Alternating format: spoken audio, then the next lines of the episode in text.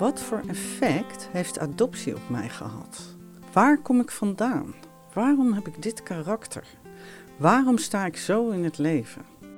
Ik ben Feitje Koets. Fion vroeg mij om een serie podcasts te maken. Met en voor geadopteerden, hun biologische ouders, hun adoptieouders en de mensen om hen heen. We kozen voor podcasts omdat je dichter bij mensen komt als je de tijd neemt om naar ze te luisteren.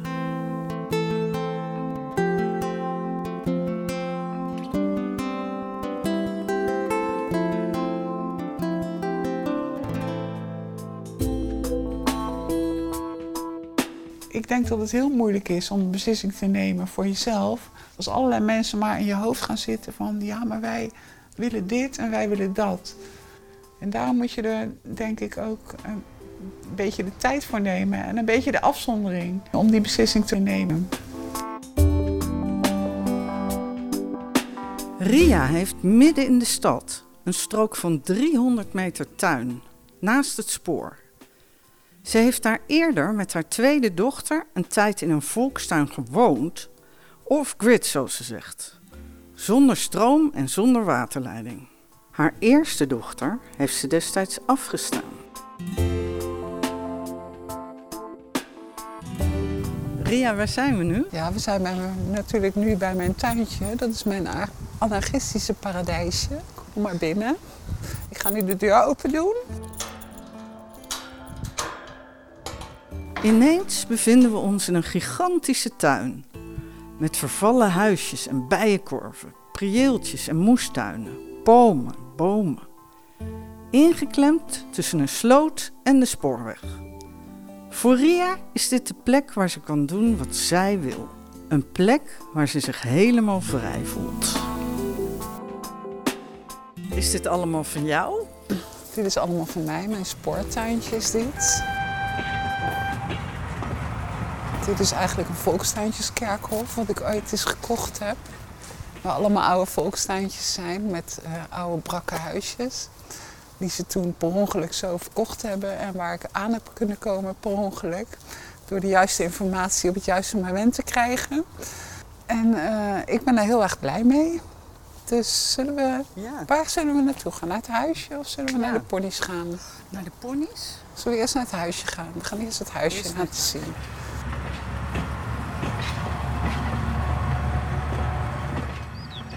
Ik hoor allemaal vogeltjes. Oh, hier. Dit, dit doe ik voor de ponies, want Voor de ponies heb je hier. eh, die lopen hier ook. Die gaan dan om de moestuin heen, want daar loopt nog een pad. En die wil ik dan hier in de moestuin hebben. En omdat ik dan niet wil dat ze mijn moestuin inlopen, maar die kant. Daarom eh, leg ik die balk daar dan neer. Maar ze zijn hier, ze, ze zijn hier niet hoor. Hoe is jouw eerste dochter ontstaan? Het was eigenlijk een eenmalig eh, eh, avontuurtje. Van een jongen die eh, in een bar tegenkwam. En we gingen naar huis en we gingen slapen. En voor de rest hebben we eigenlijk nauwelijks contact meer gehad. Wist hij dat je zwanger was? Nee, heeft hij van mij nooit geweten. Ik heb hem ook niet gezocht. Ik vond ook dat dat iets van mij was. Hè? Zwangerschap is iets waar je als vrouw de beslissing over maakt. Dat is geen verplichting om dan de man ook te waarschuwen.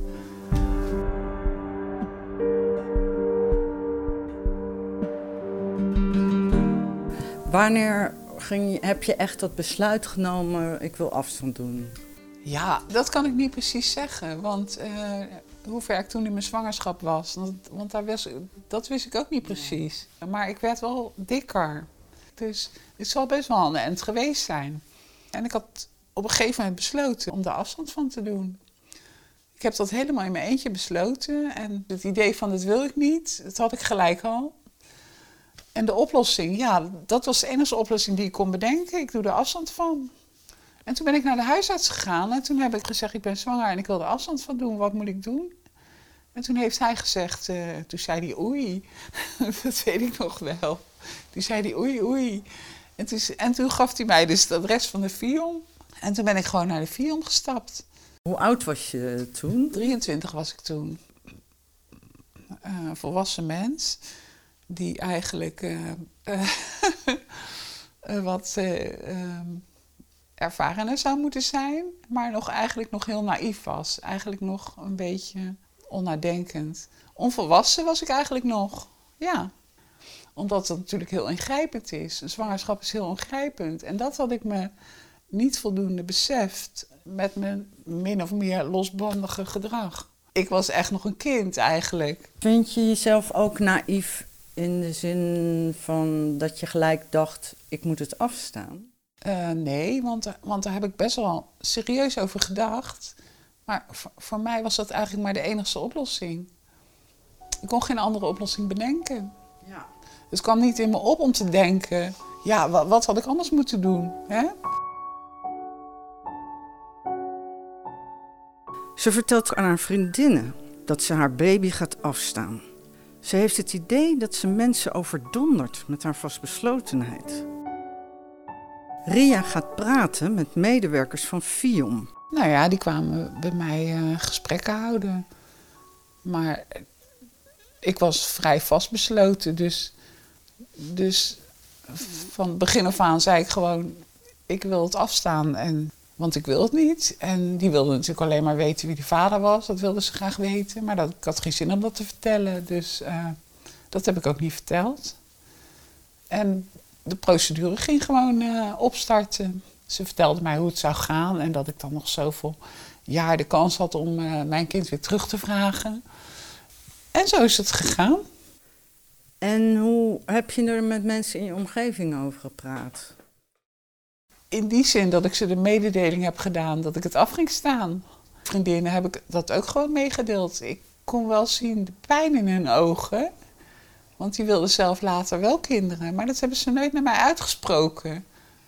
Ze zijn wel achter mij blijven staan. Maar ik, bij sommigen kon ik natuurlijk wel zien dat ze eh, het, het moeilijk vonden. Maar niemand heeft zich ooit tegen me uitgesproken van... Uh, joh, uh, wat doe je nou en dit en dat. Ja. Maar mijn vastbeslotenheid heeft denk ik ervoor gezorgd... dat ze ook helemaal geen tegenwerpingen uh, deden. Of, of, of, pogingen deden om mij op andere gedachten te brengen. Ik was nou eenmaal altijd een beetje een uh, eigenwijs stuk vreten.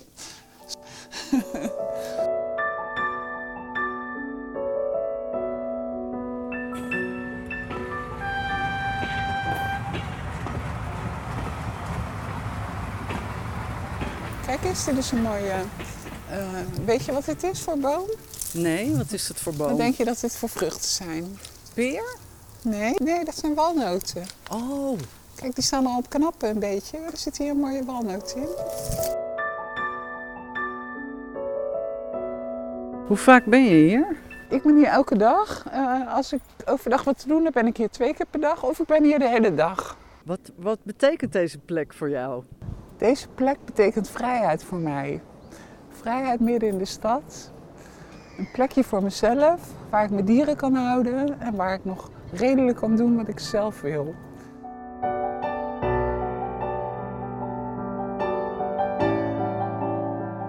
Jouw ouders, wisten die dat je zwanger was?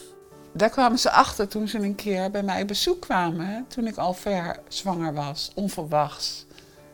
Wat ze nooit deden, maar ze zijn toch een keer langs geweest. En uh, ja, toen zagen ze het. Hoe reageerden je ouders toen? Die waren natuurlijk geschrokken daarvan. Maar die waren niet boos of zo, want ja, wat konden ze doen? Hè? Maar ik zei gewoon direct, ik ga het afstaan. Dus voor hun was het toen eigenlijk ook, dat gevoel had ik, zeker voor mijn moeder, ook al gelijk een soort oplossing voor gekomen. Dus ik lag altijd in de clinch met mijn moeder. Wat vond je vader ervan? Nou, mijn vader die zei er niet veel over. Ja, hij keek natuurlijk wel bedrukt. En uh, voor mijn vader vond ik het ook ergens wel zielig, want ik hield van mijn vader. Mijn vader was altijd lief voor ons. Maar mijn vader was, stond altijd achter mijn moeder. Dus hij had niet zoveel te vertellen eigenlijk. En ze hebben het verder zo uh, gelaten. Ze hebben, zijn er verder niet meer op teruggekomen. Had je het liever anders gehad? Nou ja, liever had ik gewoon mijn hele leven een goede relatie gehad met mijn moeder. Hè? Maar zo was het helemaal niet. Ik vond altijd dat ze niet eerlijk was en dat ze mij niks gunde. Dat ze nee zei om het nee te zeggen. Om het feit dat ze macht over mij had om nee te zeggen. Zo voelde ik dat heel vaak. uiteindelijk heeft ze dat goed bedoeld. Maar het is er al alleen een beetje naar uitgekomen. Want zij dacht met dwang en, en boosheid, dacht zij mij iets te leren. Maar ze leerde me juist afrecht. Ze leerde me juist eh, dat ik het zelf moest doen. Dat ik helemaal alleen stond. Dat leerde ze me eigenlijk. Ja? En zo is het altijd gegaan. En er werd verder toch nooit ergens over gepraat. Uh, ook niet daarna. Er zijn, is er ook nooit over gepraat. Wat had er anders kunnen gaan als jullie wel erover gepraat hadden? Ja, dan was er misschien een andere oplossing gekomen. Maar die hadden zij dan mee moeten komen. Want dan zij hadden bijvoorbeeld tegen mij kunnen zeggen: kunnen we geen andere oplossing vinden? Kunnen wij misschien je niet helpen met het kindje? Dat je gewoon bij mij komt, bij ons komt uh, in ons grote huis. En dat wij gewoon uh, jou helpen en, en opvangen. Maar dat zou natuurlijk een heel ander verhaal geweest zijn. Maar het kwam ook niet in mij op om te denken dat ze zoiets ooit zouden zeggen. Dus, dus voor mij was dat ook gewoon helemaal geen optie. En je zou het ook niet zelf gevraagd hebben? Nee, nou, ik zou het zelf niet gevraagd hebben, omdat ik gewoon zo zeker, duizend procent zeker zou weten dat mijn moeder er helemaal niks voor zou voelen. Want de schande zou zo groot zijn voor haar, dat haar dochter met een, met een hè, onwettig kind bij haar kwam wonen. Dat zou zo'n schande zijn.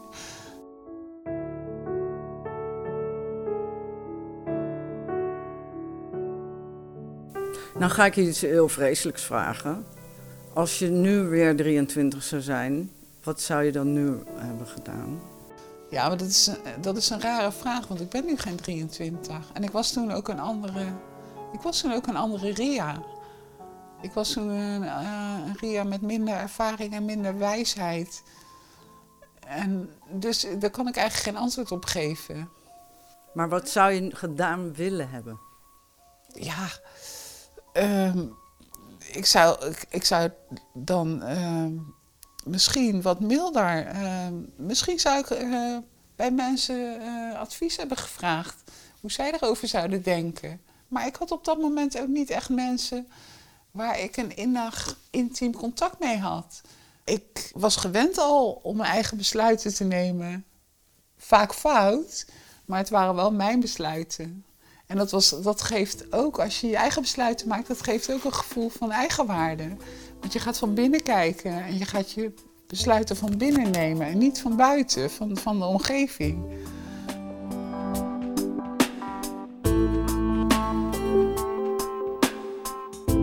De bevalling loopt anders dan was afgesproken met Ria. Ze zou de bevalling bewust meemaken, maar in het ziekenhuis brengen ze haar toch onder narcose gelukkig is het allemaal goed uh, afgelopen. Ik werd wakker en toen. Uh, zij vertelde mij: het is een meisje en het is gezond. Nou, dat was voor mij een fijn gevoel eigenlijk. Ja, want als ik het goed begrijp, dan heb jij je dochter dus helemaal niet gezien toen ze net geboren Nee, en volgens mij hadden we ook afgesproken dat ik haar wel even mocht zien. Volgens mij hadden we dat wel afgesproken. Oh. Dus, uh, maar goed, het, het was nou eenmaal zo. En uiteindelijk heb ik me daarbij neergelegd ook. Misschien was het ook veel heel anders gelopen als ik haar wel gezien had. Dat zou kunnen. Hoezo? Nou, ik kan me voorstellen dat als je dan je kindje ziet, hè, dat het een beeld bij je achterlaat. En nu had ik er helemaal geen beeld bij. Maar ik had ook een beeld gehad als ik gewoon niet onder narcose bevallen was, want dan had ik het wel gezien. Dus uh, dat had misschien mogelijk de hele toekomst nog beïnvloed. Had je dan nog teruggekund volgens die procedure van FIOM? Uh, ik kon inderdaad terug. Bovendien kon ik, uh, na zoveel, binnen zoveel jaar kon ik sowieso nog terug. Uh, maar ik kan me wel voorstellen dat als ik een soort beeld in mijn hoofd had gehad van een babytje, dat ik dan toch andere gedachten daarbij gehad had. Nu had ik gewoon alleen maar een soort neutraal beeld van, ja, van niks. Maar wel met een soort trots van een meisje en gezond. Dat, voor mezelf voelde ik me trots daarover. Dat klinkt misschien raar, maar dat heeft me al die jaren een beetje op de. Uh, als ik eraan dacht, heeft het me met trots vervuld. Dat ik toch een gezond kind had gehad. Dat had ik toch maar gedaan, weet je? Een, een gezond meisje. Ook al had ik er niet voor gezorgd. Weet jij nog hoe je dat vond toen je uit de narcose bijkwam en dus niet je kind te zien kreeg? Nou, ik vond prima op dat moment ik, ik was erg opgelucht, ja. En de jaren daarna? De jaren daarna is dat gevoel niet veranderd. Ik, ik bleef al die jaren bij mijn beslissing en ik had er ook geen moeite mee. Ook niet als ik andere kinderen zag of zo. Helemaal niet. Ik, ik had gewoon dat besluit genomen. En voor mij was het er diep van binnen een goed besluit. Want ik had, uh, ik had mijn kind gegeven aan mensen die heel graag een kind wilden hebben. Daar kwam het eigenlijk op neer. En dat vond ik, vond ik helemaal geen slecht besluit. Dus ik hoefde me ook niet schuldig te voelen. Jij hebt later zelf nog een dochter gekregen. Ja. Dat was pas een echte confrontatie met mijn verleden. Want toen ging ik pas echt zien wat ik al die tijd gemist had. de, het zwangerschap en de geboorte en een babytje. Want dat was natuurlijk een enorme openbaring. Als je zo'n kindje in je handen hebt, dan ga je denken aan wat je allemaal in het verleden allemaal afgestaan hebt. en dat kwam allemaal weer boven. Er kwam een soort verwerkingsproces op gang van... Uh, van jeetje, wat heb je eigenlijk gedaan? Hè? Hoe kon je dat allemaal doen? Hoe kon, hoe kon je eigenlijk zoiets doen om zo'n kindje gewoon weg te geven aan een ander, weet je? Dus dat was wel even een dingetje. Nu denk ik vaak, ik kan dingen niet, maar ik ga er gewoon voor. Dat had ik toen ook kunnen denken. Maar dat heb ik toen niet gedaan. Was nog te, ja, te onzeker om, om, om die stap te maken. Dus ik was toen een ander persoon.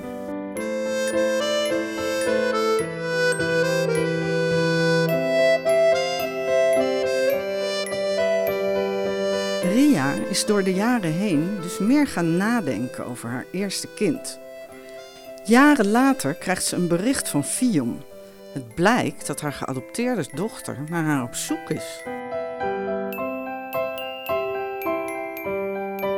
Ze was toen 18. Ze mocht pas bij haar 18e haar moeder gaan zoeken.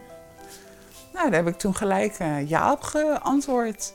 Want ik was nooit van plan geweest, echt nooit van plan geweest om haar te gaan zoeken. Dat had ik echt aan haar overgelaten. Ik vond het erg leuk dat zij dat wilde.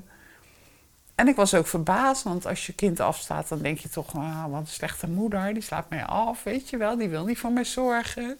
Dus ik was ook wel verbaasd. Dat had ik ook geaccepteerd hoor, als ze dus gewoon ook um, wrevelig geweest was tegenover mij. Want daar was ik helemaal op voorbereid ook. En had ze ook gewoon gelijk gehad. Maar zo was ze helemaal niet. Ze was blij dat ze me gevonden had. Dus het was een soort, um, ja, een soort cadeautje wat ik zomaar kreeg. Hebben jullie kennis gemaakt? Ik woonde toen in een tuinhuisje. Dus uh, of Krit met een dochtertje van uh, acht dan, hè. Die ineens een zusje erbij kreeg. dus dat was voor, voor mijn eerste dochter een hele grote verrassing. En voor mijn tweede ook natuurlijk. Dus dat was heel erg leuk eigenlijk. Het klikt allemaal. Herkende je haar? Ja, ze leek wel op me, ja. Ze leek op mijn oma. Mijn oma van mijn moeders kant, daar leek ze op, vond ik. Had je het gevoel, dit is iemand die bij me hoort? Als ik aan mijn twee dochters denk, denk ik altijd... mijn jongste dochter is mijn echte dochter. En die andere is niet mijn echte dochter. Dat gevoel heb ik, blijf ik altijd houden. En dat bedoel ik niet negatief, maar gewoon gevoelsmatig. En dat komt natuurlijk omdat ik dat stuk gemist heb. Van mijn andere dochter weet ik zoveel niet en heb ik zoveel gemist. Ik wil wel net zoveel voor haar doen als voor mijn andere dochter. Maar ik kan dat niet meer uh, recht maken. Dat is nou eenmaal zo. Er is een soort kloof tussen.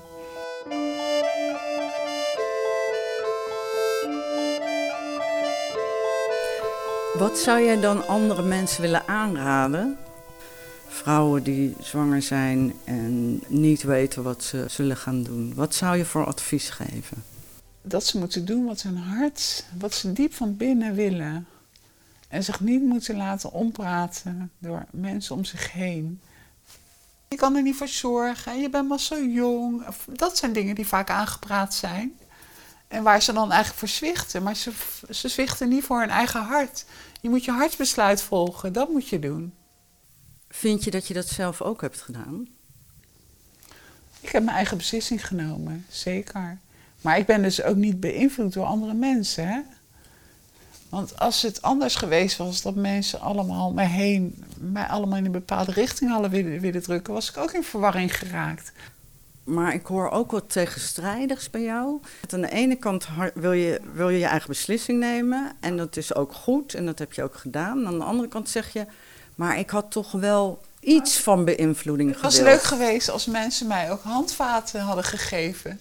Hoe het anders had gekund. Mensen hadden mij een andere oplossing kunnen bieden zonder druk. Die hadden mij kunnen zeggen van joh, je, je zou het ook zo of zo kunnen doen. Maar die opties heb ik helemaal niet gehoord van niemand eigenlijk. En zeker niet, ook niet van de Fion. Die dat gewoon zag als, oké, weer een kindje. Snap je? Weer een kindje bij ons. Hè? Weer een, een case. Om jou dus een andere mogelijkheid ja, die hebben maar één richting. Oké, kom maar op met dat kind. Dat is nu van ons en wij gaan dat doen. Maar die hadden ook kunnen zeggen, joh, uh, hou jij dat kindje lekker? Want jij, jij zou best voor dit kind kunnen zorgen. Hè? Met een beetje hulp. Met een beetje hè, handvaten.